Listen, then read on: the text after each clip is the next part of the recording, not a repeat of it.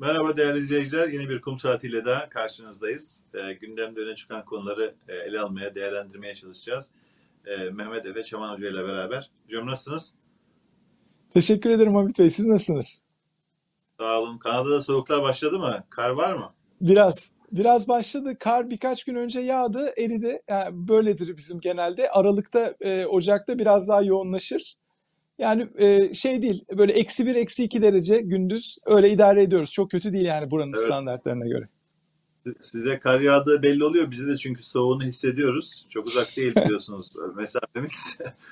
Evet. Ee, Hocam evet. çok konu var gündemde. Hemen e, başlayabiliriz. E, hakikaten her biri birbirinden önemli konular. E, ama e, böyle gündemden düşmeyen bir konu var. Onunla e, başlasak e, diyorum. E, Hakan Şükür, e, kral, Türkiye ve dünya futbol tarihine e, adını yazdırmış olan, altın harflerle yazdırmış olan Hakan Şükür, Türkiye'deki 8-9 senelik tuhaf e, anormalinin, anomalinin hukuksuzluğun bir sembolü olarak adeta bir ayna gibi her e, hafta neredeyse her gün e, varlığıyla e, Türkiye'nin ne kadar yoldan çıktığını, Türkiye'nin ne kadar yozlaştığını gösteren bir örnek haline geldi. En son olay Katar'daki e, Dünya Kupası. Bilmiyorum Dünya Kupası'nı izliyor musun Arda Hocam? Ben en azından özetlere falan bakmaya çalışıyorum. Katar'daki Dünya Kupası'nda Kanada ile Fas arasındaki maçı e, Türkiye'de e, takip ediyor tabii. E, Alper Bakırcıgil e, sunuyor. E, maç spikerliğini yapıyor. E, dördüncü dakikada e, Fas e, bir gol atınca e, herhalde e, spiker otomatik olarak yani futbolu takip eden insanların hemen bilmemesi mümkün değil. Dünya kupalarında en hızlı golü atan kişinin aslında Hakan Şükür olduğunu söylüyor ve bu e, kariyerinde belki de kariyerin bitmesine e, sebep oldu. E, bu e, Alper e, Bakırcıgil'in e, yayından sonra yani ik- ikinci e, devrede maçın ikinci e, yarısında başka bir e, sunucu e, Cüneyt Karan'a e, görevi devrediyor E, ve bunun tamamen böyle bir müdahaleyle Hakan Şükür'ü anmanın bir cezası olduğunu e, daha sonraki açıklamalarla TRT ile ilişkisinin de kesildiğini duydum. Bilmiyorum e, teyitli mi bu haber. Yani e, bazıları e, Türkiye'de diktatörlük falan yok. E, işte bunları birileri algı yapıyorlar falan diyor. E, ama bu olay e, başka türlü nasıl izah edilebilir bilemiyorum. Çok garip bir şey tabii. Yani şimdi e, Türkiye'nin böyle dünya e, dünyaya mal olmuş kaç tane ismi var? Yani baktığınız zaman işte futbolda e, Hakan Şükür'ü e, görmezden gelmeniz mümkün değil. Yani ne yaparsanız yapın, 10 takla da atsanız Ha- Hakan Şükür bir fenomen ve belli bir dönem e, Türkiye'de e, dünya çapında Türkiye futboluna imzasını atmış bir isim. Ve öyle imzasını atmış ki aradan geçen yıllara rağmen yani Hakan Şükür tabii jübilesini yaptı, emekli oldu, milletvekili oldu, farklı bir kariyer yaptı. Çok da sevdiğim, çok da düzgün bir insan. Ee, ve şimdi aradan bu kadar yıllar geçmesine rağmen hala bir kişi çıkıp da Hakan Şükür'ün ulaştığı e, futbol kariyerindeki noktaya ulaşab- ulaşabilmiş değil ve ben bunları bir Galatasaraylı olarak değil, e, eski bir Fenerbahçeli olarak söylüyorum. Artık Evet, takım tutmuyorum. Yani Türkiye'deki bu yaşanan şeylerden sonra takım tutmayı da bıraktım ama e, yani kendisine çok e, büyük bir hayranlıkla e, yani kariyerine de kişiliğine de hayranlık duymamak elde değil. Fakat şunu söylemeden de geçemeyeceğim. Şimdi Türkiye'de çok abuk subuk bir durum yaşanıyor. Yani şimdi farz edelim ki Hakan Şükür'ü kendi kafalarındaki bir kara listeye almışlar. İşte birçok farklı milyonlarca insanı aldıkları gibi Hakan Şükür'ü anmamızın sebebi çünkü kendisi çok tanınan bir insan. Dünya çapında tanınan bir insan. E fakat şimdi sen güneşi balçıkla sı- sıvayamıyorsun ki kardeşim. Yani bu böyle yaptıkça aslında tam tersi ortaya çıkıyor. Yani bu e, Orwell tipi, 1984 tipi işte tarihi yeniden yazmaya yönelik e, olmuş olayları manipüle ederek olmamış gibi veya farklı olmuş gibi göstermeye çalışmak bir rejimi iki paralık yapmaktan başka bir işe yaramaz. Karikatür bunlar yani. De resmen. Şey gelince o spiker beyefendinin yaptığı da şöyle olacak.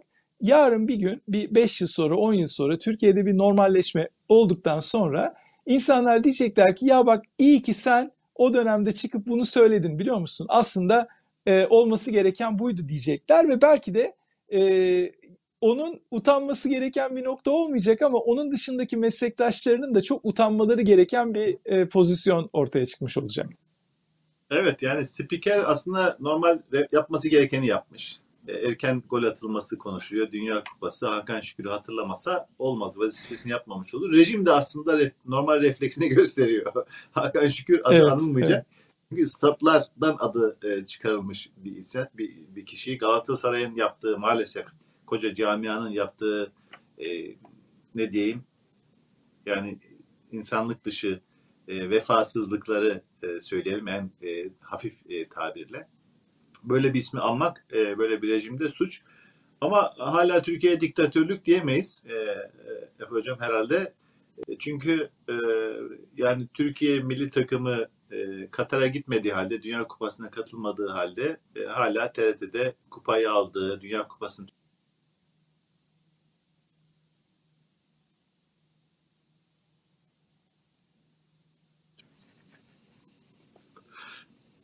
Şey bir e, Hamit Bey bir galiba bir 5 5 saniyelik 10 saniyelik bir ses kopuşu oldu. Acaba diyorum o son ki, cümleyi yeniden mi? Diyorum ki her şeye rağmen yani bir spiker, spiker Hakan Şükür'ü andığı için işini kaybetti. E, yayının arasında hemen müdahale edildi. Ama Türkiye diktatörlük diyemeyiz çünkü e, milli takım, Türkiye milli takımı Dünya Kupası'na katılmadığı halde kupayı kazandı falan gibi haberler yapılmıyor yani. Bu tür şeyler yapılırsa ancak. demiştim. evet bu çok güzel. Bu çok hoşuma gitti gerçekten.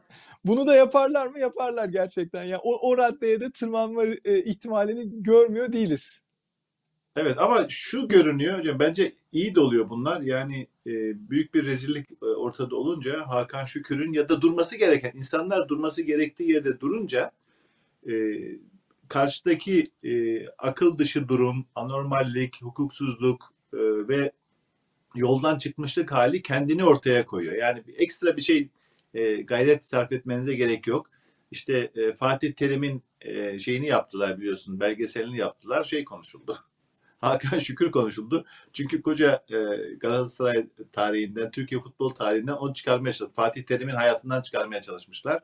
E, absürtlük e, gerçekten e, daha önce bir, bir YouTube programına biliyorsun bir e, konuşmaya çağırmışlardı babasına e, danışarak e, vazgeçti. E, hatta şöyle bir şey de söylemiş babası ona. Yani e, sempati oluşabilir Hakan Şükür'e. Hmm. Onun için e, programdan e, davetini geri çekip e, yayınlamaktan, yayına çıkarmaktan vazgeçmişti. Fakat bu da Hakan Şükür'ün daha çok konuşmasına sebep oldu. Başka yayınlara çıktı, konuşuyor falan. Yani e, doğru yerde durmak da aslında çok bir güç e, kendi içinde diye düşünüyorum e, Efe Hocam. Şimdi e, şöyle bir anekdotu paylaşayım. E, tabii bu biraz futboldan konu açıldı ama çok kısa çok kısa uzatmadan e, basketbolla alakalı. Bu 1980'lerin sonunda 90'ların başında biliyorsunuz NBA'yi dünyaya açtılar ve ilk defa NBA oyuncuları e, uluslararası müsabakalarda Amerika'yı temsil eden, eden müsabakalarda oynamaya başladı. O dönemde de e, bir Magic Johnson vardı. Irvin Magic Johnson. Bir de Larry Bird. Bunlar çok iyi. Biri Los Angeles Lakers'ta oynuyor. Biri de Boston Celtics'te. Avrupa basketbolunun da en büyük ismi e, Drazen Petrovic o dönem. Yugoslavya milli takımında oynuyordu. Şimdi özel bir turnuva mahiyetinde e, işte Boston Celtics'e böyle Avrupa'daki takımları maç ayarlamışlar işte bu dünya şampiyonasından önce. Orada da Petrovic'e soruyorlar diyorlar ki ya bak Boston Celtics geliyor, Larry Bird geliyor ama e, Magic Johnson'ın gelmesini mi isterdin? Larry Bird mü sence daha iyi bir oyuncu? Petrovic de diyor ki ya tabii Magic Johnson gelse daha iyi olurdu diyor. Sonra bunu Larry Bird'e soruyorlar. Diyorlar ki ya işte e, Petrovic sizin hakkınızda böyle bir şey söyledi. Buna verecek bir cevabınız var mı? E, Larry Bird diyor ki Petrovic diye birini tanımıyorum. Yani şimdi e, Hakan Şükür'ün konumu biraz Larry Bird'ün konumu gibi. Yani onun hakkında birileri bir şey söylüyor şudur budur da kim o isimler isimlerini ilk defa duyuyoruz. Hakan Şükür'le aynı kontekste geldiğinde öğreniyoruz o adamların kim olduğunu. Ama Hakan Şükür'ü Türkiye'de kime sorsanız herkes biliyor. Dünyada kime sorsanız herkes biliyor. Yani dolayısıyla Güneş dediğim gibi balçıkla sıvanmıyor Hamit Bey. Bunlar tarihi ne kadar manipüle etmeye çalışırlarsa çalışsınlar gerçekler gerçek olmaya devam edecek ve bu, birilerinin keyfi istedi diye olaylar olmamış olmayacak veya işte insanlar var olmamış olmayacaklar. Dolayısıyla e, bunları da bilsinler, bir kenara yazsınlar bence bunları. Aslında bir şeyi rejim yapmıyor, onun için bunlar e, yaşanıyor. Yani biliyorsunuz o 94 romanında George Orwell'in bir de böyle bir tarihi geriye doğru düzeltmek gerekiyor. Hani lider veya parti bugün bir açıklama yapıyor. Dünle uyuşmadığı için ne yapmak lazım? E, rezil duruma düşmemek için dünü gidip e, silmek gerekiyor. Aslında o onun için e, bu e, Fahrettin Altun başkanlığındaki bakanlık, başkanlık, iletişim başkanlığı var ya. Evet. Orada böyle bir birim kurmalar lazım. Yani Tabii. eskinin silinmesi, e, bu e, tezatların yaşanmaması için eskinin unutturulması gerekiyor. Fakat hala bunu başaramıyorlar. Bu da onların düşünmesi gereken bir konu. Belki tedbir alırlar. Yalnız e, Efe Hocam bu e, şeyler yani bazıları düşünebilir ki acaba sadece e, bu hukuksuzluklar böyle starları, e, öne çıkmış isimleri mi hedef alıyor? Hayır. Normal insanları da yani e, sade e, vatandaşları da e, hedef alıyor. Bunu da e, unutmamak lazım. Hakan Şükür tabii ki dediğiniz gibi adını tarihe, futbol tarihine yazdırmış bir isim, milletvekili olmuş, e, anlaşanlı bir insan yani dünyada e, da birçok insan tanıyor. Fakat e, KHK ile e, görevine atılmış e, bir sağlık memurunun dramını e, hemen Hakan Şükür'den sonra hatırlamamız lazım. E, Mikail Baran bir sağlık memuru ve KHK ile işten atılmış ve 5 yılda tutuklu. Eşi Esra Baran da geçtiğimiz günlerde tutuklandı e, ve Edirne cezaevinde şu anda. Bu ailenin iki çocuğu var. Esma Büşra 4 yaşında ve Mustafa Baran 8 yaşında. Şu anda babası ve annesi cezaevinde KHK'larla e, yani şu Hakan Şükür'ü hedef alan e, zulüm e, ve hukuksuzluk düzeninin başka bir kurbanı. Bu da normal bir vatandaş yani bir sağlık memuru. E, aileyi perişan etmiş durumdalar. E, herhalde yani e, yaş kuru ya da işte ünlü ünsüz e, ayırmıyor. E, bir yerde hukuk e, ortadan e, kalkınca, hukuk rafa kalkınca değil mi Efe Hocam? Ne diyorsunuz? Siz de takip ettiniz Kesinlikle. herhalde bu e, aile dramını. Ettim maalesef bir değil iki değil yani e, yüzlerce belki binlerce buna benzer olay gerçekleşti şu son 6-7 yıl içerisinde. Ve bu tanık olduğumuz e, korkunç sosyolojik deprem e, hala bizi şoke etmeye devam ediyor. Yani bu tip olaylar gerçekleştiğinde kendimize şu soruyu soruyoruz. Yani ya siyaset hayatın bu kadar merkezinde olmamalı ve siyasi nedenlerle insanlar bu kadar zulme uğratılabilir mi? 21. yüzyılda 2022 itibariyle neredeyse 2022'nin de sonuna geldik. Yani bir sağlık memuru hayatında ne yapmış olabilir? Ben çok merak yeah. ediyorum. Yani tabii somut bir suçu olan insanlardan bahsetmiyoruz. Siyasi suçlamalardan bahsediyoruz. Yani bir insanın herhangi bir derneğe üye olmuş olması, herhangi bir e, ne bileyim vakfa üye olmuş olması, herhangi bir sosyal yardım kurumuna yardımda bulunmuş olması ya da bir legal banka hesabı olması veya çocuğunu YÖK tarafından tanınan bir üniversiteye yazdırmış olması gibi gerekçelerin e, terörizmle irtibat gerekçesi olarak kullanılması sadece hukuk katliamı değil aynı zamanda bir komedi. Yani bunların olması gerçek bir komedi. Bir devletin iki paralık olduğunu gösteren bir şey. Devlet olmadığını aslında bize haykırıyor bu, bu olaylar. Dolayısıyla şeye de yani yurt dışına yansıyan olayları biliyorum ben. Buna benzer konular geçtiği zaman e, sığınma talepleri olduğunda insanların tabi biliyorsunuz belli bir komisyonun ya da bir hakimin karşısına çıkıyorlar ve orada bir ifade veriyorlar. O hakim ya da komisyonda e, itica müracaatının e, kabul edilip edilmediği konusunda karar verecek olan merci.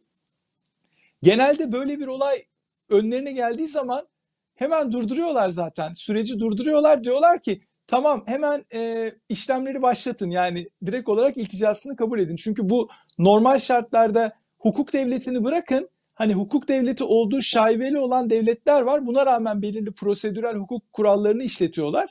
Öyle bir konumda bile bu, bu bir, böyle bir şeyin olması mümkün değil. Tam bir komedi yani yaşanan. Maalesef. Dolayısıyla e, Türkiye'de bilmiyorum Türkiye'ye büyük ihanet bu. Türkiye'nin imajını yerle bir ediyor. Yani bu imajı 100 yıl düzeltmesi mümkün değil Türkiye'nin gerçekten.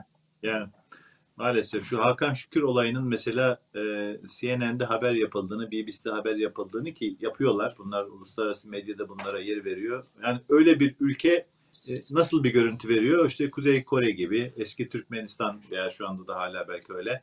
E, bu tür e, diktatörlük e, görüntüsü fotoğraf veriyor ki bu bir görüntü değil.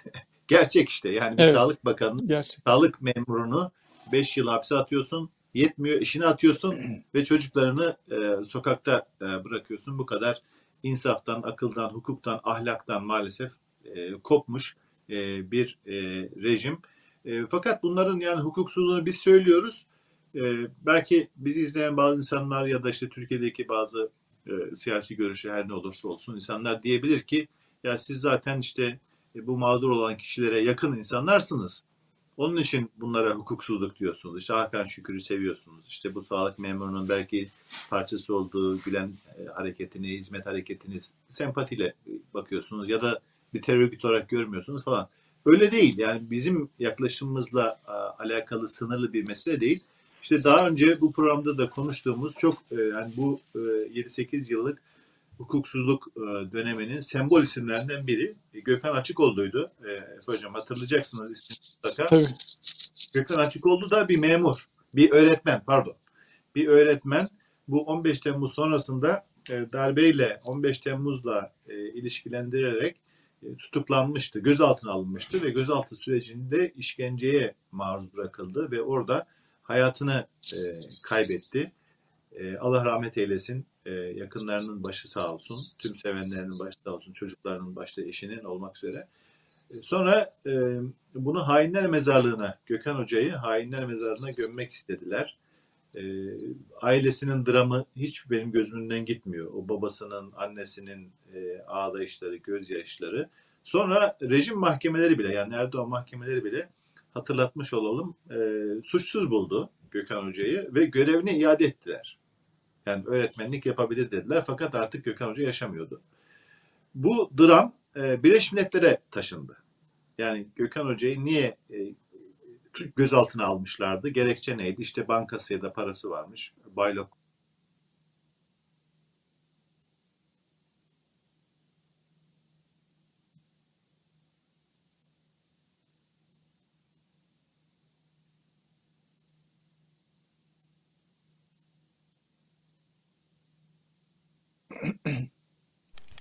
Abdülhamit abi mikrofonunuz gitti abi. Eğer beni duyuyorsanız.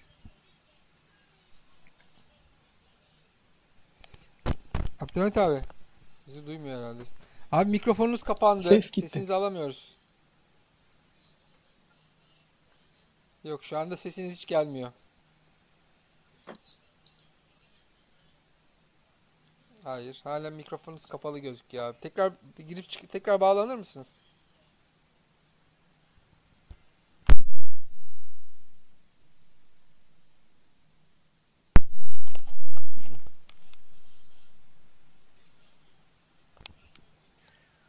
Bu kablosuz olunca mikrofonlarda bazen böyle oluyor işte. Enerjisi Evet. bitince falan şey yapmıyor Maalesef.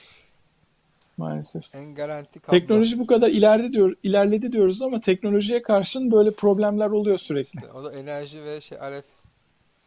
nasıl? Geldi Geliyor mu şimdi? Abi, evet. Ha şimdi geldi, şimdi geldi Hamit Bey. Ama arkadaşlar bu anormal bir şey ya. Kendi kendine nasıl böyle bir şey olabilir? Evet bayağı bir attı yani ben hemen gelir diye düşündüm. O yüzden hemen Demin tepki de vermedim. düştü de o Efe hocam yani çok fazla kalmadığı için sıkıntı olmadı da şimdi evet. Abi biraz solunuza kayabilirseniz Aha, hemen.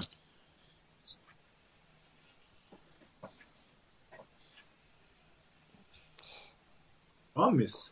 sorunuzdan Tamam. devam edebilirsiniz abi. Ne, nerede kalmıştık ya? Benim dikkatim dağıldı. Efe Hoca Ee, şeyi anlatıyorduk. Ee, Bu baştan da Ee, başlayalım. Türk- Bir BM'deki kararı. belli bir noktaya kadar çok güzel gitti. Ee, en Gökhan, son Gökhan siz- Açıkoğlu şey yapabiliriz yani. Baştan alabiliriz Gökhan Açıkoğlu'nu olur Tamam, mu? tamam, Olur tamam. abi. Peki, hiç sorun değil. Tamam. Tamamdır.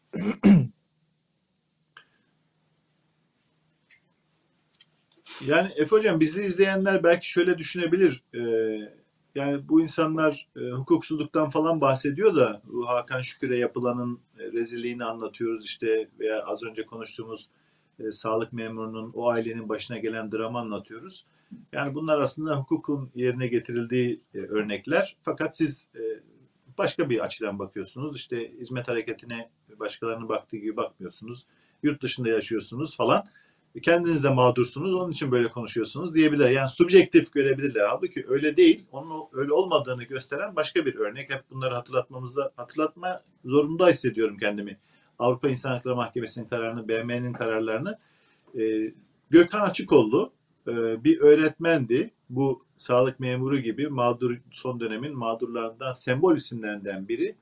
Gökhan Açıkollu'yu 15 Temmuz'dan sonra o e, tiyatro darbeyle ilişkilendirerek e, gözaltına aldılar ve gözaltında işkenceyle hayatını kaybetti. Bununla ilgili bir sürü deliller, videolar vesaire var artık. E, sonra e, hainler mezarlığına gömmek istediler. Ailesi e, gözyaşları içinde o günlerde çaresiz e, tepkilerini ortaya koydu. Bununla ilgili bir e, işkence aleyhine işkencenin takip edilmesi, işkencecilerin cezalandırılması için bir dava açtı yakınları. Fakat takipsizlik verildi. Sonra bu bu konu, bu dram Birleşmiş Milletler'e götürüldü. Birleşmiş Milletler'de e, aynen e, konu e, yani normal yargıçların, e, hakimlerin önünde ele alındı, incelendi ve oradan bu hafta bir karar çıktı ve e, gözaltına alınma gerekçelerinin yani işte Baylok ya da Bankasya bunların hukuken e, bir delil olmayacağını, bir insanın terör örgütü üyesi yapmayacağını, e, Gökhan Açıkoğlu'ya işkence yapıldığını, e, haksız bir şekilde gözaltına alındığını ve e, haklarının tazmin edilmesi gerektiğini yani ailesinin bu yapılanlardan dolayı ve şeyinin iade edilmesi e, yani onurunun iade edilmesi yönünde bir karar verdi. Aslında yani e, Türkiye'deki hukuksuzluklar e, bir subjektif bakış sonucu e, olmuyor. Gerçekten hukuk yok. İşte Birleşmiş Milletler kararı da bunun bir e, açık delili. Öyle değil mi hocam? Kesinlikle tabii yani e, Gökhan Açıkoğlu'nun başına gelenler e, tabiri caizse e, rejimin içini dışını tek bir örnekte en güzel anlatan olaylardan bir tanesi.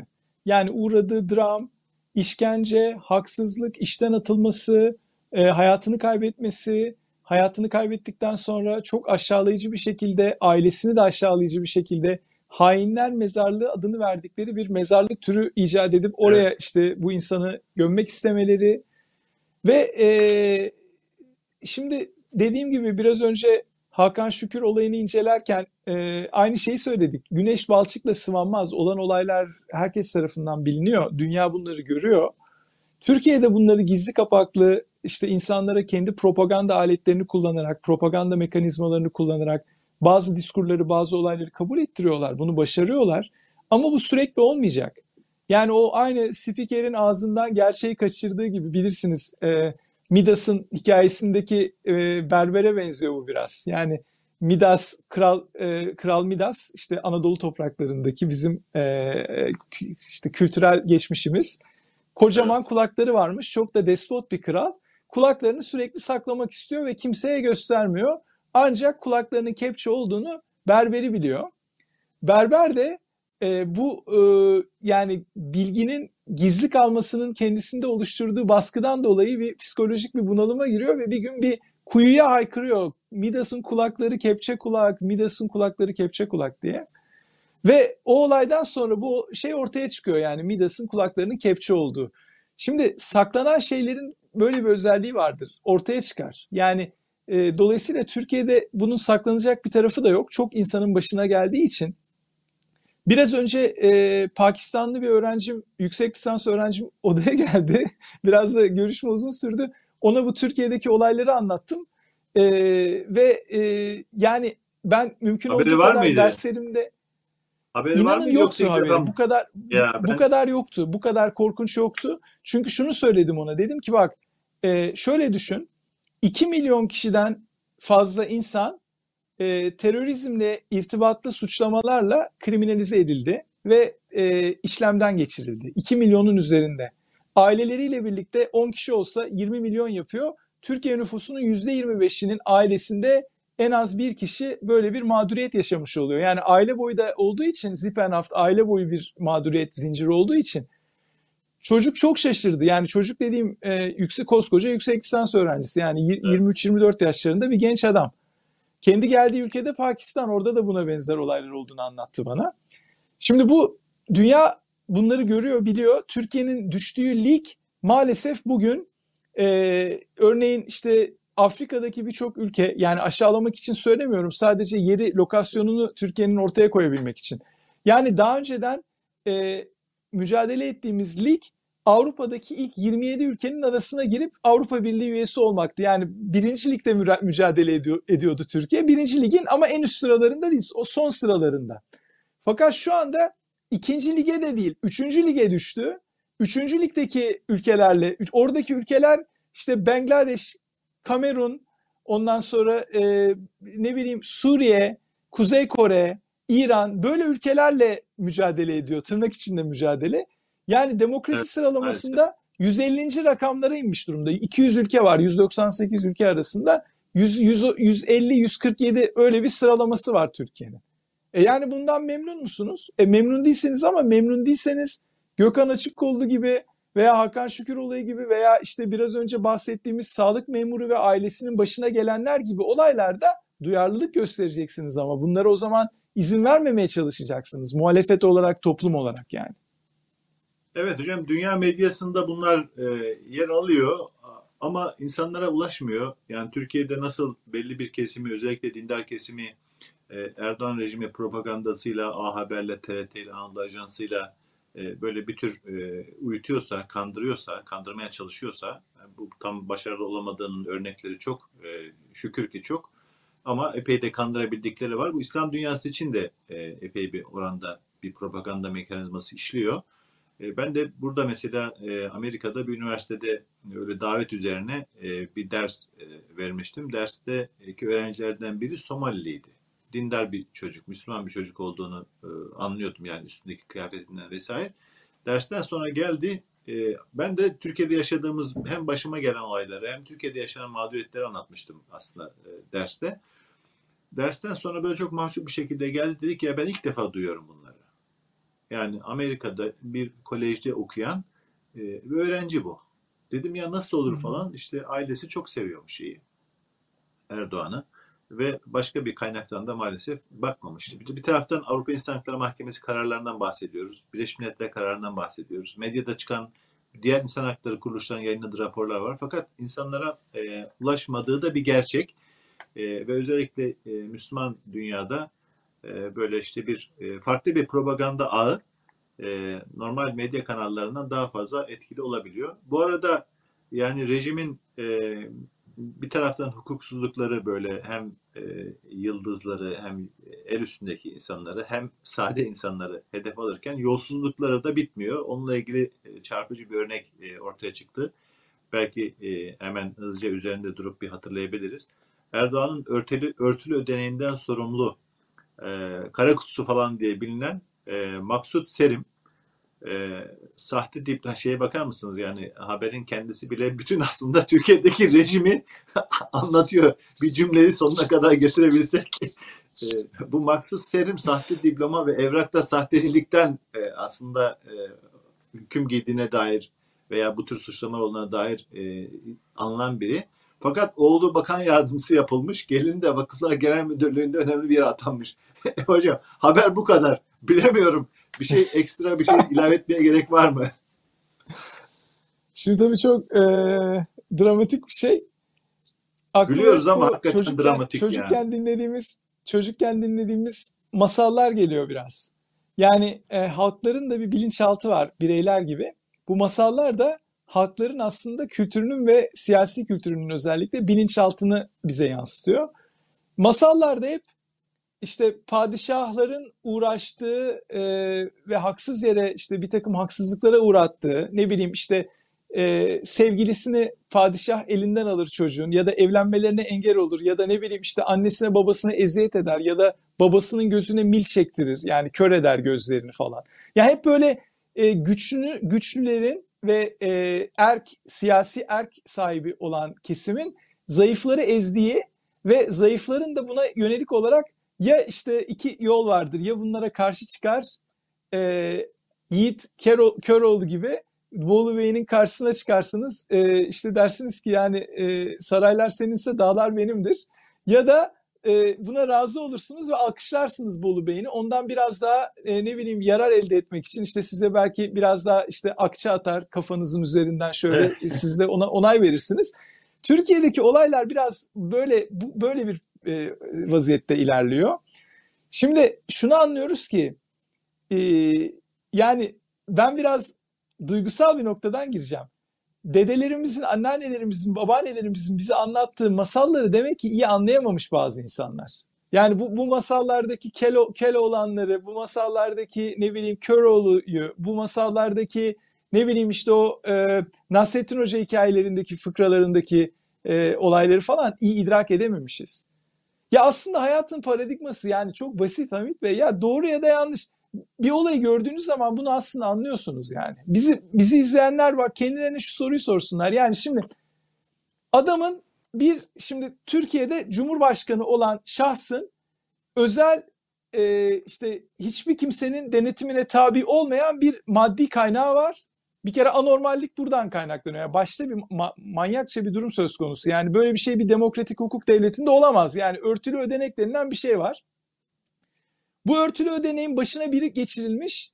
Bu başına geçirdikleri adamın e, evrakta sahtecilikten e, sabıkası var. Yani adam e, diploması ama şimdi diyeceksiniz ki ya arkadaş Birbirine uygun sen ama hocam olayı yani. kavrayamamışsın. Ha, onu diyeceğim şimdi sen olayı kavrayamamışsın diyecek bizi izleyenler. Yok kavradım ben şimdi e, baştaki adam zaten diploması olmayan ama diploması varmış gibi Marmara Üniversitesi'nden kendisine 1982'deki kurulan Marmara Üniversitesi'nden ta 1970'li yıllarda mezun olduğunu iddia ettiği okula dair diploma verildi kendisine.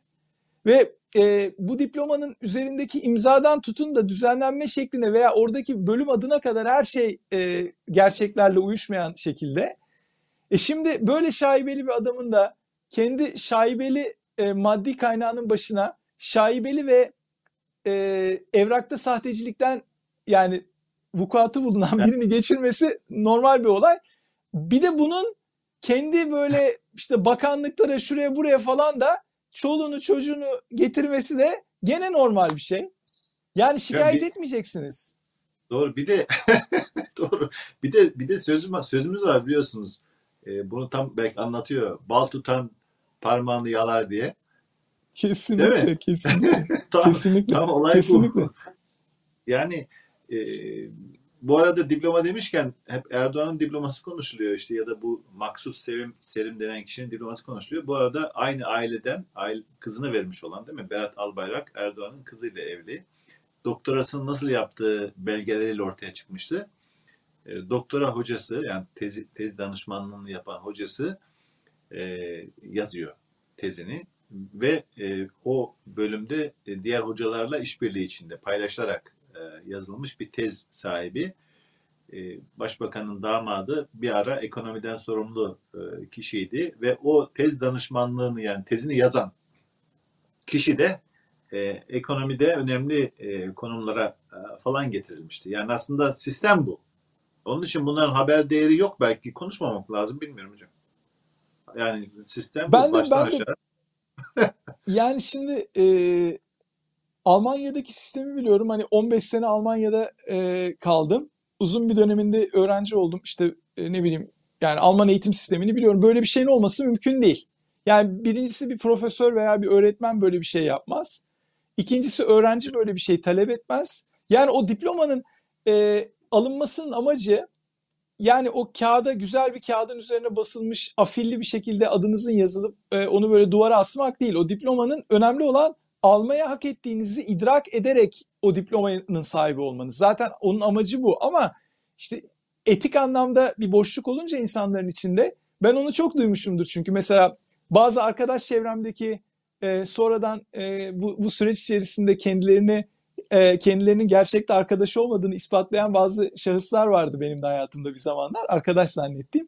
Onlardan bir tanesi bir gün bana demişti ki ya bu kadar doktora moktora uğraşıyorsun Almanya'da. Ya ben dedim demişti bir matbaayla anlaşayım sana o doktoranın e, şeyinin aynısını basarım sana ben ya ne olacak demişti.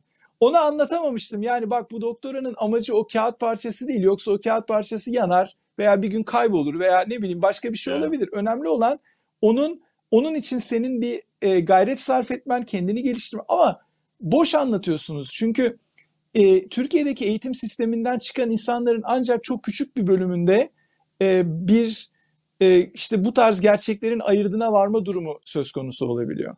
Dolayısıyla ne Erdoğan ne e, bizi yöneten diğer insanlar maalesef o bahsettiğim küçük azınlıktan değil. Keşke dürüst insanlar iktidarda olsa.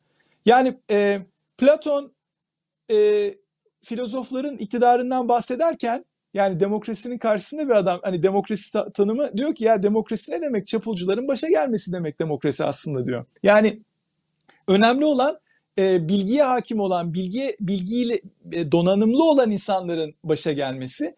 Dolayısıyla e, dünkü derslerimden birinde onu anlatmıştım çocuklara.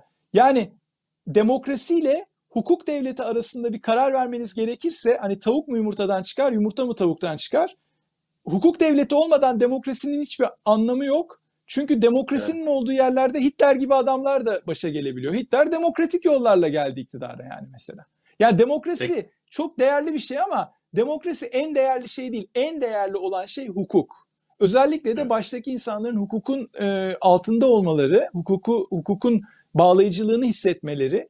Dolayısıyla böyle hırsızların, yolsuzların, çapulcuların, hukuk tanımaz e, işte haramilerin iş başında olmaları demek zaten daha güzel bir deyimimiz var. Balık baştan kokar diyoruz. Baştan kokmak şu demek yani toplumu yönetenler eğer böyle olurlarsa yönettikleri insanların bunlardan çok daha kötü bir ahlaki noktaya dibe vurmaları kaçınılmaz oluyor Hamit Bey bence. Yani maalesef şimdi şöyle yani bir e, saç ayaklarına bakarsanız mesela Berat Albayrak örneğinde Berat Albayrak e, bir sahte doktora yapılmasından rahatsız değil. Onun başındaki tez başındaki profesör de bunu yapmaktan rahatsız değil. E, bunu gören taban da yani tabanın bir kısmı da böyle bir şeyi görüyor hiç umurunda olmuyor. Bu da bu manzaradan rahatsız değil. Hakikaten birbirini tamamlayan bir e, kötülükler e, kısır döngüsü. Bu arada çok hızlı da unutuyoruz. E, Efe Hocam şimdi bugün bu habere bakarken dedim ya biz bu haberi de vereceğiz, geçeceğiz. E, iki hafta sonra kimse hatırlamayacak bunu. 3-4 hafta önce neler konuşmuştuk diye bir baktım. Sedat Peker bir açıklama yapmıştı biliyorsun. Sedat Peker tonlarca açıklama yaptı ama böyle skandallar, e, hakikaten insanın tüylerini diken diken eden rezillikleri açıklamıştı. Onun için de çok korktu ve onu susturmak için her türlü şeyi yapıyorlar. Ona da biraz değiniriz. En son yaptıkları adımlardan biri Sedat Peker, Sedat Peker neyi açıklamıştı? Ya açıklamalarından biri e, bir e, hanımefendi ismini şurada e, not etmiştim. Mine Tozlu Sineren diye bir hanımefendi, bir iş kadını, iş insanı sermaye piyasasına girmek istiyor. Sermaye piyasasına da e, kaynak bulmak istiyor yani yatırımlarına, iş, yaptığı işlere. Ve SPK'nın başında e, kim var? E, hemen e, söyleyeceğim. Fuat Taşkesenlioğlu var. Tamam mı? Fuat Taşkesenlioğlu SPK'nın başında o dönemde ona ulaşmaya çalışıyor. Fakat bir türlü ulaşamıyor. E, ve e, onu diyorlar ki e, Erzurum milletvekili Zehra Taşkesenlioğlu var. Onun kardeşi. Ona ulaşmanız lazım. Ona ulaşabilmeniz için. Gidiyor.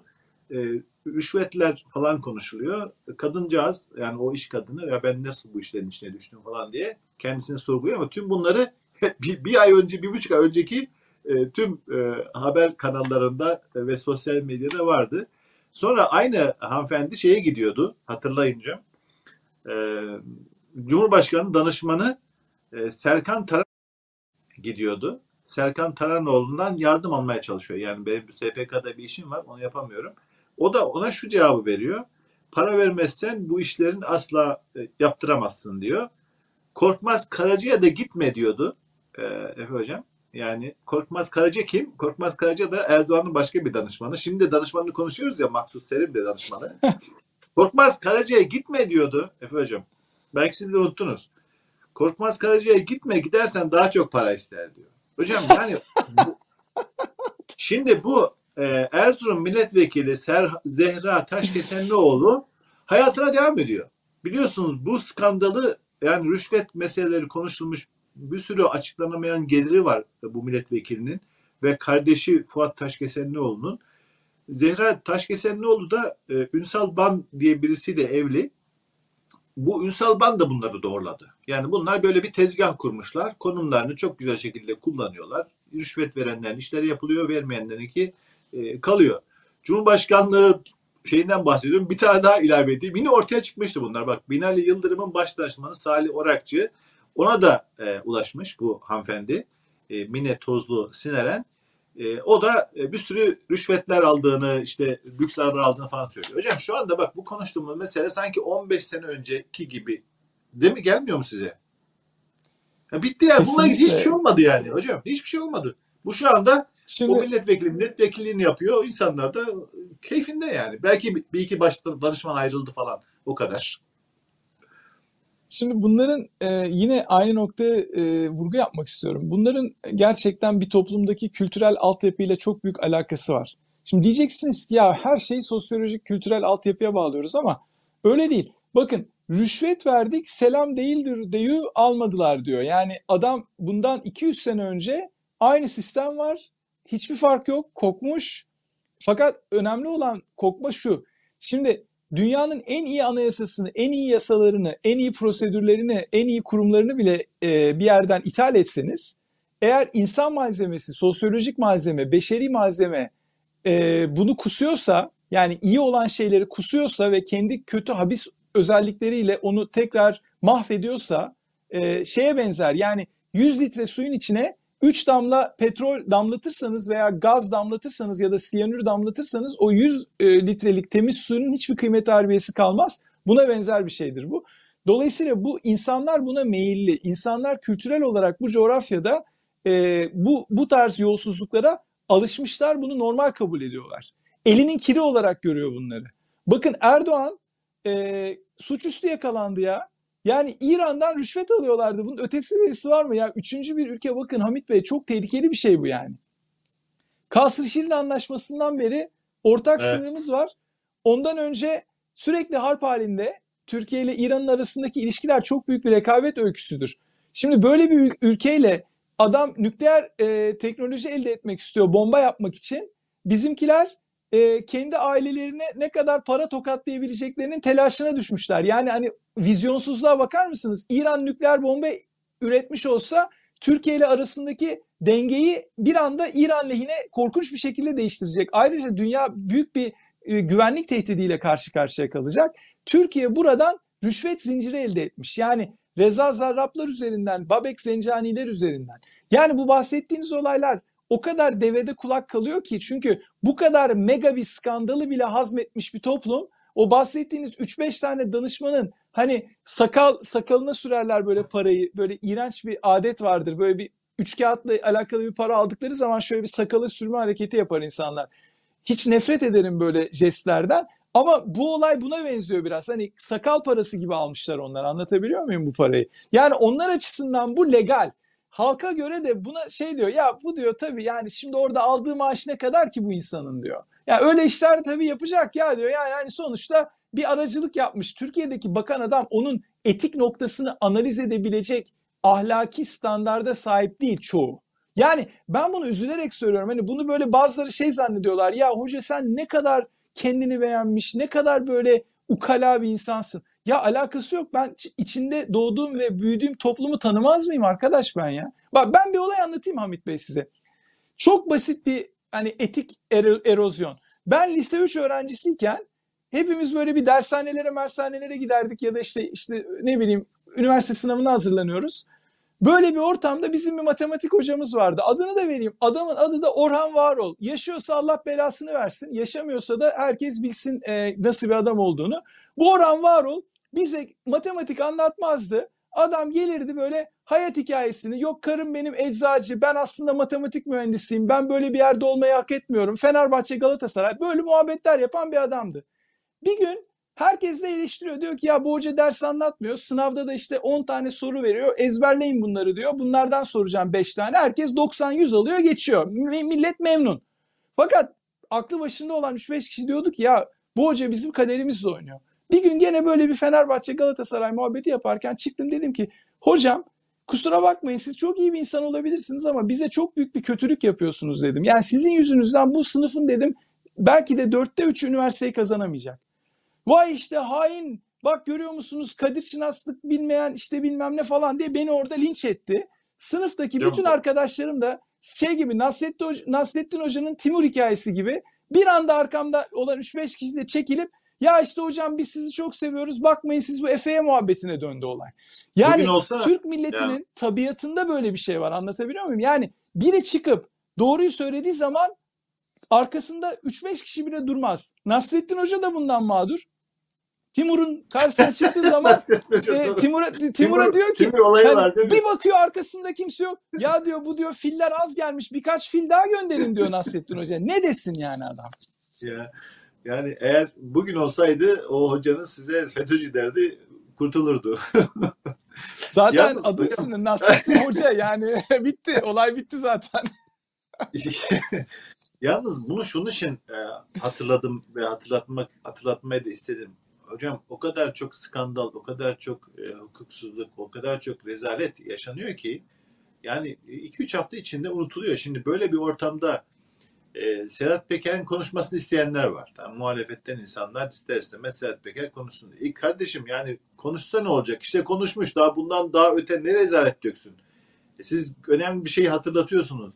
Yani 17-25'te Erdoğan'ın oğluyla yapmış olduğu konuşma, e, sıfırlama meşhur konuşması yayınlanmış. Ondan öte nasıl bir skandal, nasıl bir ifşaat, nasıl bir e, şey ortaya çıkabilir? Yani bir bilgi ortaya çıkabilir.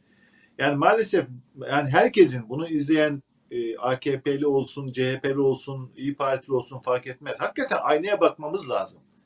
Yani şu skandal az önce paylaştığım cümleleri devletin en tepe noktasında yakıştırıyor musunuz yani kendinize? İdeolojiniz, değil yani. ırkınız, inancınız hiç önemli değil. Yani böyle bir yani doktora tezini hocasına yazdırmış. Hocası da o yazdığı için almış önemli bir e, konuma gelmiş. İşte e, falan yani ne diyor ya şuraya bakar mısınız? Erdoğan'ın bir danışmanı kendisinden iş isteyen, işi için yardım isteyen birine cümleyi tekrar ediyorum Efe.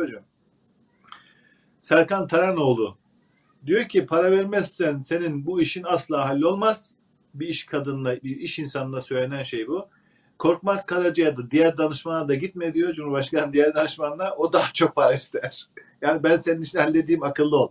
Yani e, ve bu bunun işte Erzurumlular mesela bu milletvekili Zehra Taşkesenlioğlu hala milletvekiline devam ediyor. En son bununla ilgili haber ne bulabildim biliyor musunuz? Zehra Taşkesenlioğlu bu iddiaları ortaya attığı için Sedat Peker ve işte e, ne bileyim e, Ünsal Ban kocası hakkında ve e, Mine Tozlu bu iş kadını hakkında şey açmış. E, soruşturma açılmasını istemiş. Beni şey yapıyorlar diye. E, kötülüyorlar. Adımı ismimi-. Kör. Adımı karalıyorlar falan diye. Yani en son haber bu. Başka bir şey maalesef bulamadım. Rezalet. Şimdi e, maalesef e, maalesef e, bu arada yani e, şeyi de e, unutmayalım. E, bu rejimin en önemli yerlerinde e, bulunan isimlerden biri e, İbrahim Kalın. Değil mi? Cumhurbaşkanlığı sözcüsü. Evet. Eski Today zamanda da bizim e, yazarımızdı. E, şeyden Amerika'dan doktorası var. Konuştuğu zaman işte bağlama çalıyor. E, bayağı tuntraklı laflar söyleyebiliyor. E, bu arada Hürriyet gazetesine bir röportaj vermiş İslamofobi ile alakalı. Fakat röportajı yapan gazeteci yok ortada. Soruları kendisi sormuş. Kendisi yani yani ne konuşacağımı fakat sadece onunla değil başka bir şeyle gündeme geldi. İsveç İsveçli bir gazeteciyle mülakat yapıyor. Yani büyük bir özgüvenle geliyor, oturuyor falan. O videolardan gördüklerimi söylüyorum. Bu İbrahim Kalın. Daha önce de bu arada BBC'nin önemli bir e, e, gazeteci, BBC'de önemli bir röportajcı rezil etmişti. E, onu da bakabilir insanlar 15 Temmuz'la ilgili bir, bir diyalogtu. Bu e, da İsveçli gazeteci diyor ki e, yani Türkiye böyle suç örgütlerinin, e, uyuşturucu ticaretinin falan üssü haline gelmiş durumda. Ne diyorsunuz? Bunlara falan İbrahim Kalın e, yani sanki İsveç'in e, İsveç Cumhurbaşkanı'nın ya da işte Başbakanı'nın sözcüsü gibi ya böyle şeyler bizde olur mu falan filan diye yani bir şey yoksa cevap ver. Vermiyor şeyi kesiyor yarı yarıda. Bakar mısınız Efe Hocam? Yani bütün bu bizim bu konuştuğumuz meseleler sanki e, biz e, uzaydan e, bunları duyup da e, konuşuyoruz. Ya e, nasıl mafyayla suç örgütleriyle işiniz yok? Sedat Peker kendisi demedi mi AKP'nin e, miting toplantılarını AKP için miting toplantıları yapıyordum. AKP'nin bir milletvekiline 10 bin dolara para veriyordum. Metin Külünk adı da ortaya çıktı. Ve hatta partinin millete dağıtmış olduğu bedava kahveyi de ben sağladım dedi.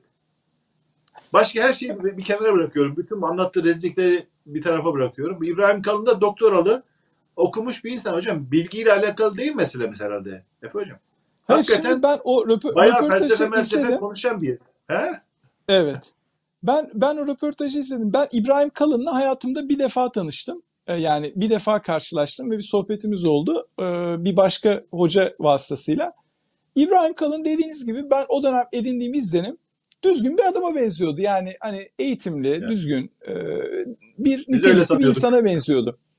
Şimdi e, insanların karakterini anlayabilmek için bunu benim e, abi olarak gördüğüm bir kuzenim vardır. Bunun okulu yok yani bu tip olayları insan aileden öğrendiği için. O da benden 5-6 yaş büyük bana demişti bir defa.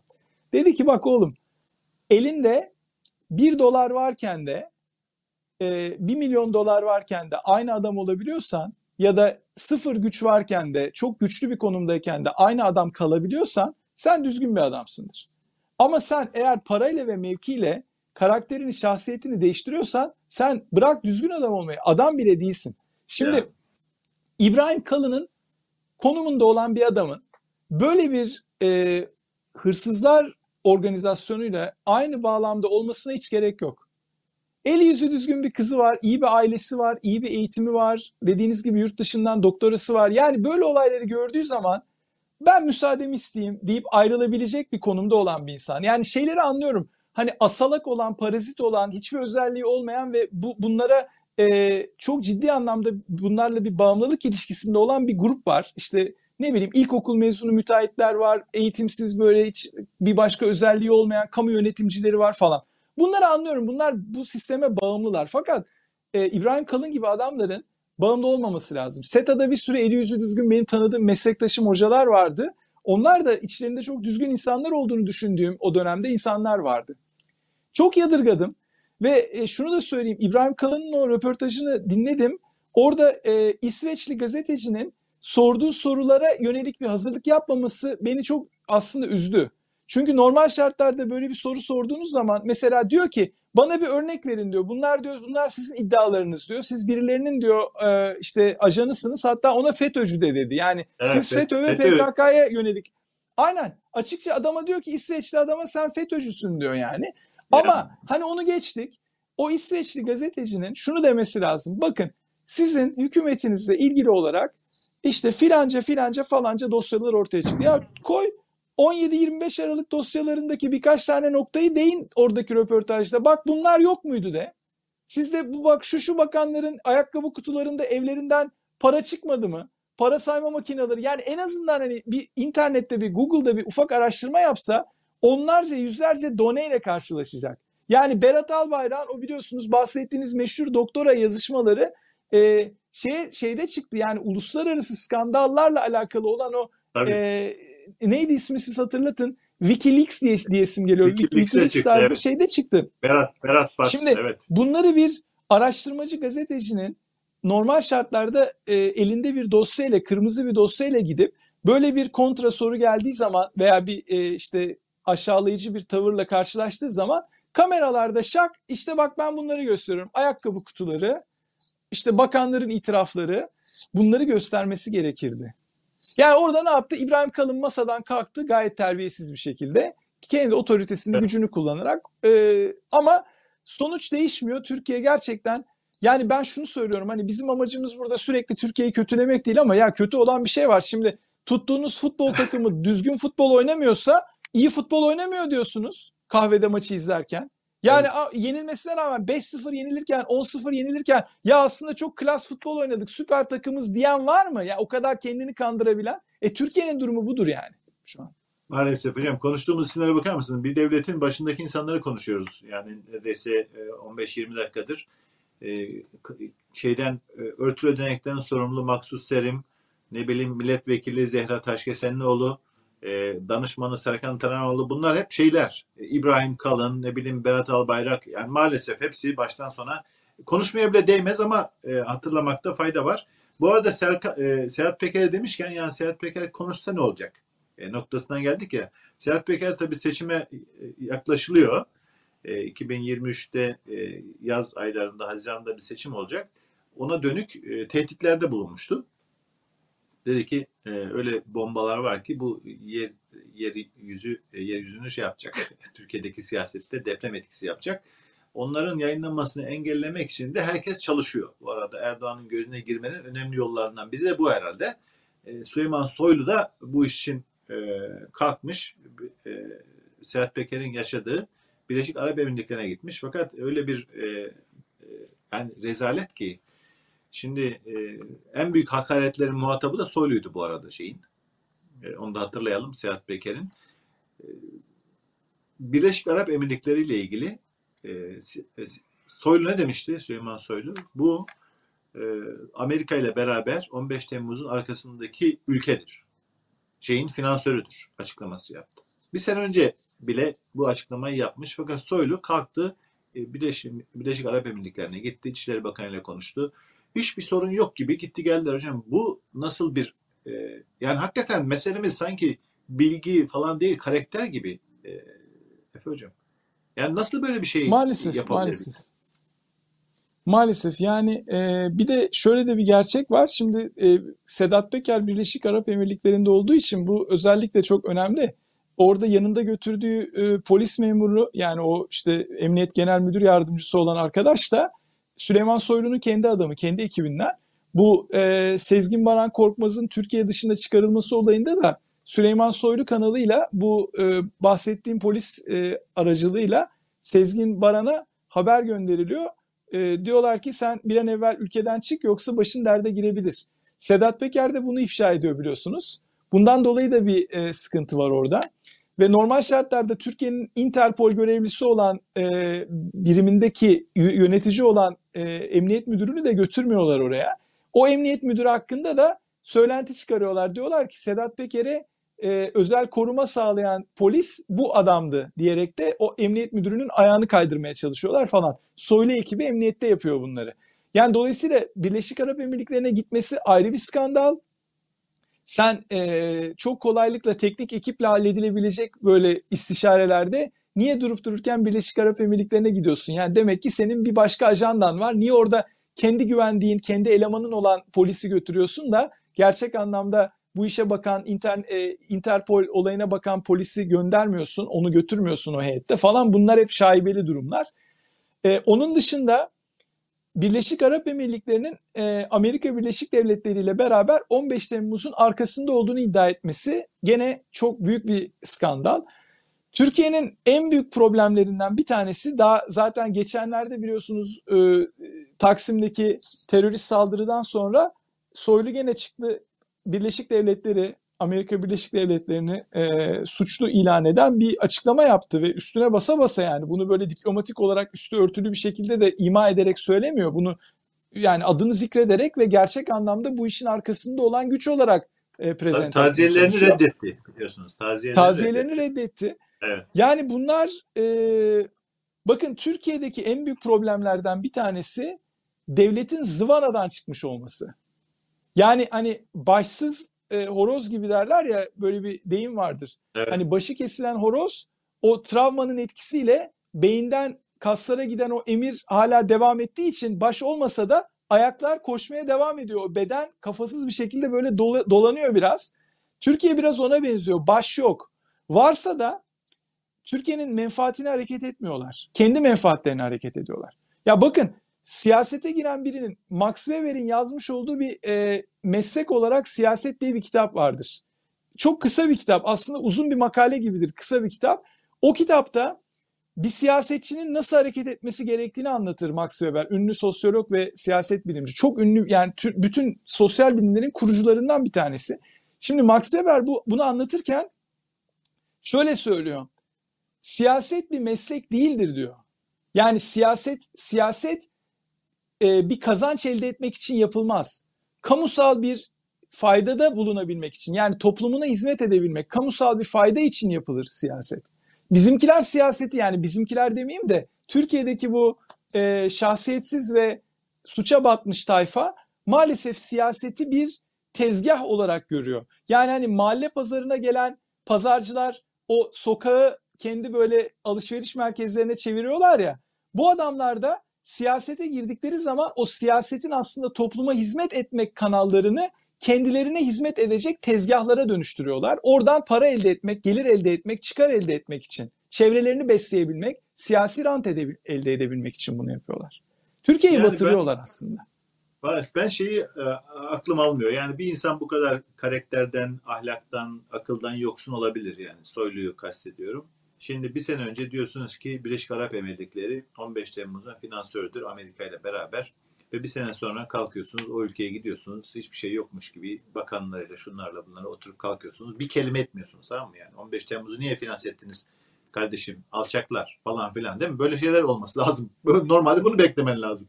Sonra dönüp geliyorsunuz ve bu insanların başka konularda söylediklerine e, itimat ediyorsa bir insan yani Trabzonlular, Vanlılar, ne bileyim Edirneliler, Karslılar, e, İzmirliler, İstanbullular tamam mı? Yani lütfen aynaya bakın ya. Yani bu kadar e, karakteri, bu kadar bir gün söylediği bir güne uymayan bir insanın başka konularda sizi kandırmış olacağını bir düşün, düşünmeniz gerekmiyor mu yani? Yani bu insan işte yani Birleşik Arap Emirlikleri 15 Temmuz'un arkasındadır demiş. Bununla sizi Birleşik Arap Emirlikleri'ne karşı şişirmiş, doldurmuş. 15 Temmuz yalanını pekiştirmek için. Sonra da gelmiş adamlarla gidiyor böyle oturuyor. Hatta İçişleri Bakanı da Birleşik Arap Emirlikleri İçişleri Bakanı da güzel bir şey yapmış. Klip yapmış. Soylu'nun yani aşağılığını ne kadar e, ahlaktan, e, karakterden yoksunluğunu göstercesine bir e, işte bütün görüşmeler, temaslar falan böyle tatlı tatlı uçaktan iniyor, gidiyor, konuşuyor falan heyetler arası görüşmeler vesaire. E, böyle bir video yapmış. Onu da e, tüm AKP'li seçmenler hala AKP'ye oy vermeyi düşünen bunu hazmetme, hazmedebilecek insanlar lütfen izlesinler. Eminim vicdanlarında bir ufak bir kırıntı varsa düşüneceklerdir. Bayağı e, karanlık bir tablodan bahsettik. E, hocam bir umut ışığı olan şeyler de söyleyelim. E, bu, bu, bu şey devam eder. E, bir sürü başka örnekler de var. Böyle tuhaf hakikaten e, insanın içini dışına e, getirecek e, kötülükler. Olumlu bir, olumlu bir gelişme e, ile programı bitirelim istiyorum. E, şimdi 2023'te seçim var. İktidar hazırlanıyor. E, işte arabalar yap, yerli arabalar yapıyoruz diyor falan bir sürü şeyler vaat ediyor. E, sanki ülkeyi kendisi yönetmiyormuş gibi ülkeyi düze çıkaracağını, ekonomiyi toparlayacağını falan filan söylüyor. Sanki elinde şu anda tutan var yani. Fakat muhalefet de bir hazırlık içinde. Bunu topla, bu programımızda konuşuyoruz, gündeme getiriyoruz. Son dönemde ki yaptıkları önemli işlerden biri bir anayasa taslağıyla e, çıktılar e, en son toplantılarında. E, anayasa 9 başlıktan oluşuyor. 150 sayfalık bir metin ortaya koydular. Ben birkaç e, Serap Yazıcı gibi gerçekten e, hep bu anayasa e, daha önce de sivil anayasa yapılması, demokratik anayasa yapılması konularında e, katkıları olmuş bir hukukçu ve başka hukukçuların da yer aldığı bir şey. E, bir ekip çalışmış. Kuvvetler ayrılığına e, önem vereceğiz diyorlar. Partili Cumhurbaşkanlığı olmayacak diyorlar. Yargı bağımsızlığını temin edeceğiz diyorlar. Avrupa Anayasa Mahkemesi'nin e, konumu güçlendirilecek, e, üye sayısı artırılacak diyorlar. Uluslararası hukukun üstünlüğü vurgusu tekrar e, yerine gelecek. Meclisin denetim yetkisini tekrar e, sahip olacak e, gibi e, KHK'larla ilgili e, önemli vaatler var. Yani bunu e, önemsiyorum. Cumhurbaşkanı adayı kim olur falan tartışması bir tartışma. Muhalefetin tabii seçimi kazanması lazım. E, yoksa bunların hiçbir anlamı yok. Ama e, bir taraftan da ortaya şey koyması lazım. Yani hep bunu konuşuyorduk ya. Yani sen kardeşim hani Erdoğan'ın kötülüklerini anlatmak tamam biz de bunu yapıyoruz biraz. Ama ne sunuyorsun sen? Yani demokrasiyi nasıl yoluna koyacaksın? Medya özgürlüğünü nasıl yoluna koyacaksın? Hukuk raydan çıkmış nasıl tekrar e, yoluna koyacaksın? Bununla ilgili anayasayı nasıl tekrar e, hayata getireceksin? Bunları konuşuyorduk. Bunlarla ilgili e, önemli bir çalışma diye düşünüyorum. Ben olumlu bakıyorum yani. E, sizin değerlendirmenizi e, de almak isterim e, bununla ilgili. E, Estağfurullah. Yani Şimdi ben e, bir de evet, geçmeden bir de yine e, Kılıçdaroğlu ile ilgili bu altılı masa değil. Kılıçdaroğlu e, sözünüzü kestim kusura bakmayın Efe Hocam. estağfurullah ne Bir, demek? e, bugün biz bu programı bir gün önceden e, yapıyoruz. E, fakat yayınlandığı gün e, 3 Aralık olacak. E, bir e, kampanya yapmayı da aslında topluma gündem oluşturmayı da öğre- öğreniyor gibi e, geliyor bana muhalefet. İşte 3 Aralık gününü verdi Kılıçdaroğlu. Dedi ki 3 Aralık'ta çıkıp ekonomi vizyonumuzu anlatacağız. Bu da eksiklerden biriydi yani. Tamam ülkeyi batırdı Erdoğan ama siz nasıl kurtaracaksınız? İnsan açlığı, susuzluğu yani bir sürü e, Türk parasının pul haline gelişini, enflasyonu falan nasıl öneceksiniz? Bu konuda önemli bir e, hamle yani bir vizyon ortaya koyacaklar ve bir danışmanlar kadrosu e, seçmiş ya da eklemiş. Onlar içinde e, önemli iki isim var. Diğerleri de önemlidir mutlaka kusura bakmasınlar. Fakat onları e, altını çizmek istiyorum. Birisi Daron Acemoğlu. E, Amerika'da yaşayan Türkiye kökenli, Ermeni kökenli bir e, akademisyen. Çok kıymetli bir iktisatçı. E, bir iki kitabını okumuştum. Gerçekten çok e, iyi bir iyi bir kafa. E, ve e, Merkel'in e, ekonomi danışmanı e, Jeremy e, Rifkin de danışmanları arasına katılmış. Yani onlarla beraber bu tabii CHP açısından çok farklılık yani Kılıçdaroğlu açısından çok farklı. Hem bir vizyon ortaya koyma çabası hem de böyle aslında CHP'nin yan yana gelmekten bile korkacağı isimlerle temas kurmayı da geçip danışman kadrosuna alması. Bunları önemsedim e, ben. Bilmiyorum siz e, de aynı şekilde mi baktınız yoksa e, başka şekilde mi bakıyorsunuz? Ne dersiniz? Katılıyorum. Ben de baştan beri e, Kemal Kılıçdaroğlu'nun, Sayın Kılıçdaroğlu'nun CHP için çok önemli bir kazanç olduğunu hep vurgulamaya çalışıyorum. Yani eleştiriyoruz zaman zaman. Hani şunları eksik yapıyor, bunu yapmıyor, bunu daha iyi yapabilir. Elbette bu normal bir şey. Yani kamuya açık bir figürün eleştirilmesi gerekir. Ge- Yani bu çok sağlıklı bir şey. Ama diğer taraftan CHP sosyal demokrat olduğunu iddia eden bir parti ve CHP'nin sosyal demokratikleştirebilme sürecinde Kemal Kılıçdaroğlu'nun çok ciddi katkıları var. E, partiyi dönüştürmeye çalışıyor. Şahin kanattan değil, e, güvercinler arasında ve e, ulusalcı, Avrasyacı kanattan değil, sosyal demokrat kanattan olan birisi. Ve dolayısıyla CHP içerisindeki o dengeleri biliyoruz. Ulusalcı, Avrasyacı kanat çok güçlü. Kemal Kılıçdaroğlu gibi bir insanın CHP'nin başında kaptan olarak bulunması büyük bir kazanç. Çünkü CHP'yi dönüştürüyor, CHP tabanını etkiliyor ve dönüştürüyor. Anayasa taslağını çok olumlu buluyorum. Ee, onunla başlayayım. Anayasa taslağı çok önemli. Ee, Türkiye gibi kontinental yani kıta anayasaları geleneğinden gelen bir ülkede ister istemez hep toplumda halihazırda görülmeyen ama var olan anayasayla o olması gereken toplumu dönüştürül yani toplumun dönüştürülmek istediği noktaya doğru yönlendirici bir yazılı anayasa arasında hep böyle bir dinamik var, bir uyumsuzluk dinamiği vardır. Bu Almanya'da da vardı. İşte Almanya bunu aşmayı başardı. Fransa'da kısmen vardı. Bunu aşmayı başardı. İtalya'da vardı. Türkiye'de bu hala var. Şunu şunu demek istiyorum. Bir e, uzlaşma zemini e, olması lazım. Türkiye'deki bütün kesimleri kutuplaşmadan çıkarıp e, ortak paydada asgari müştereklerde uzlaştırabilen bir e, siyasi kültür yaratabilmesi lazım bu anayasanın. Yani o anlamda önemli bir adım. Mutlaka desteklenmesi lazım.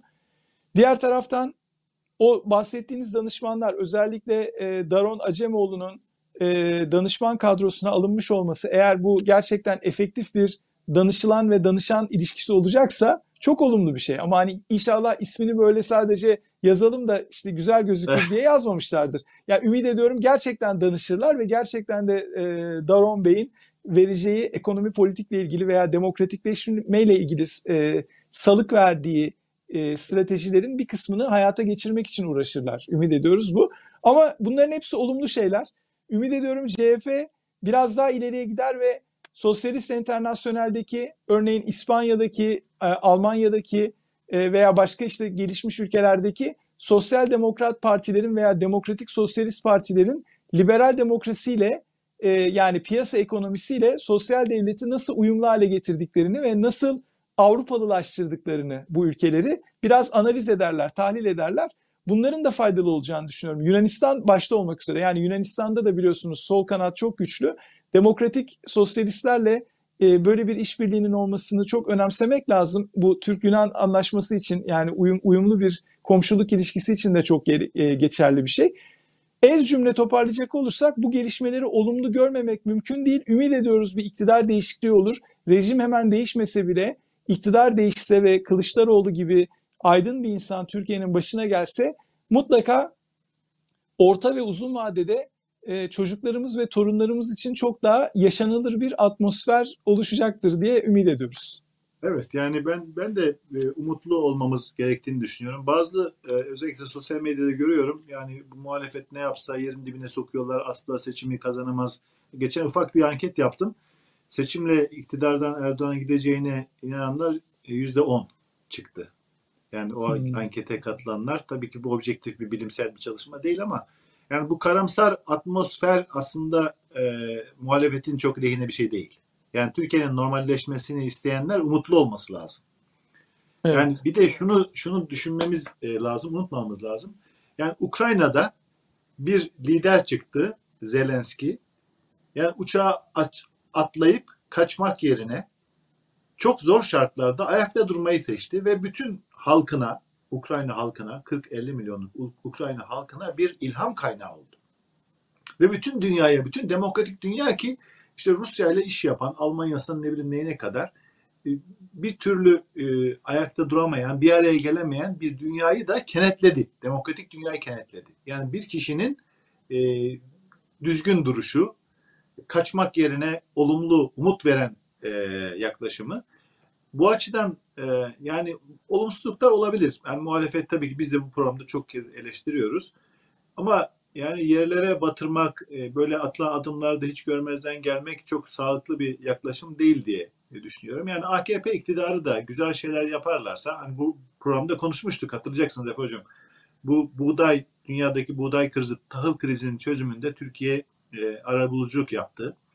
E, Ukrayna ile Rusya arasında o dünyadaki yani fakir fukaranın en önemli gıdası olan ekmeğin ucuzlamasına katkısı oldu.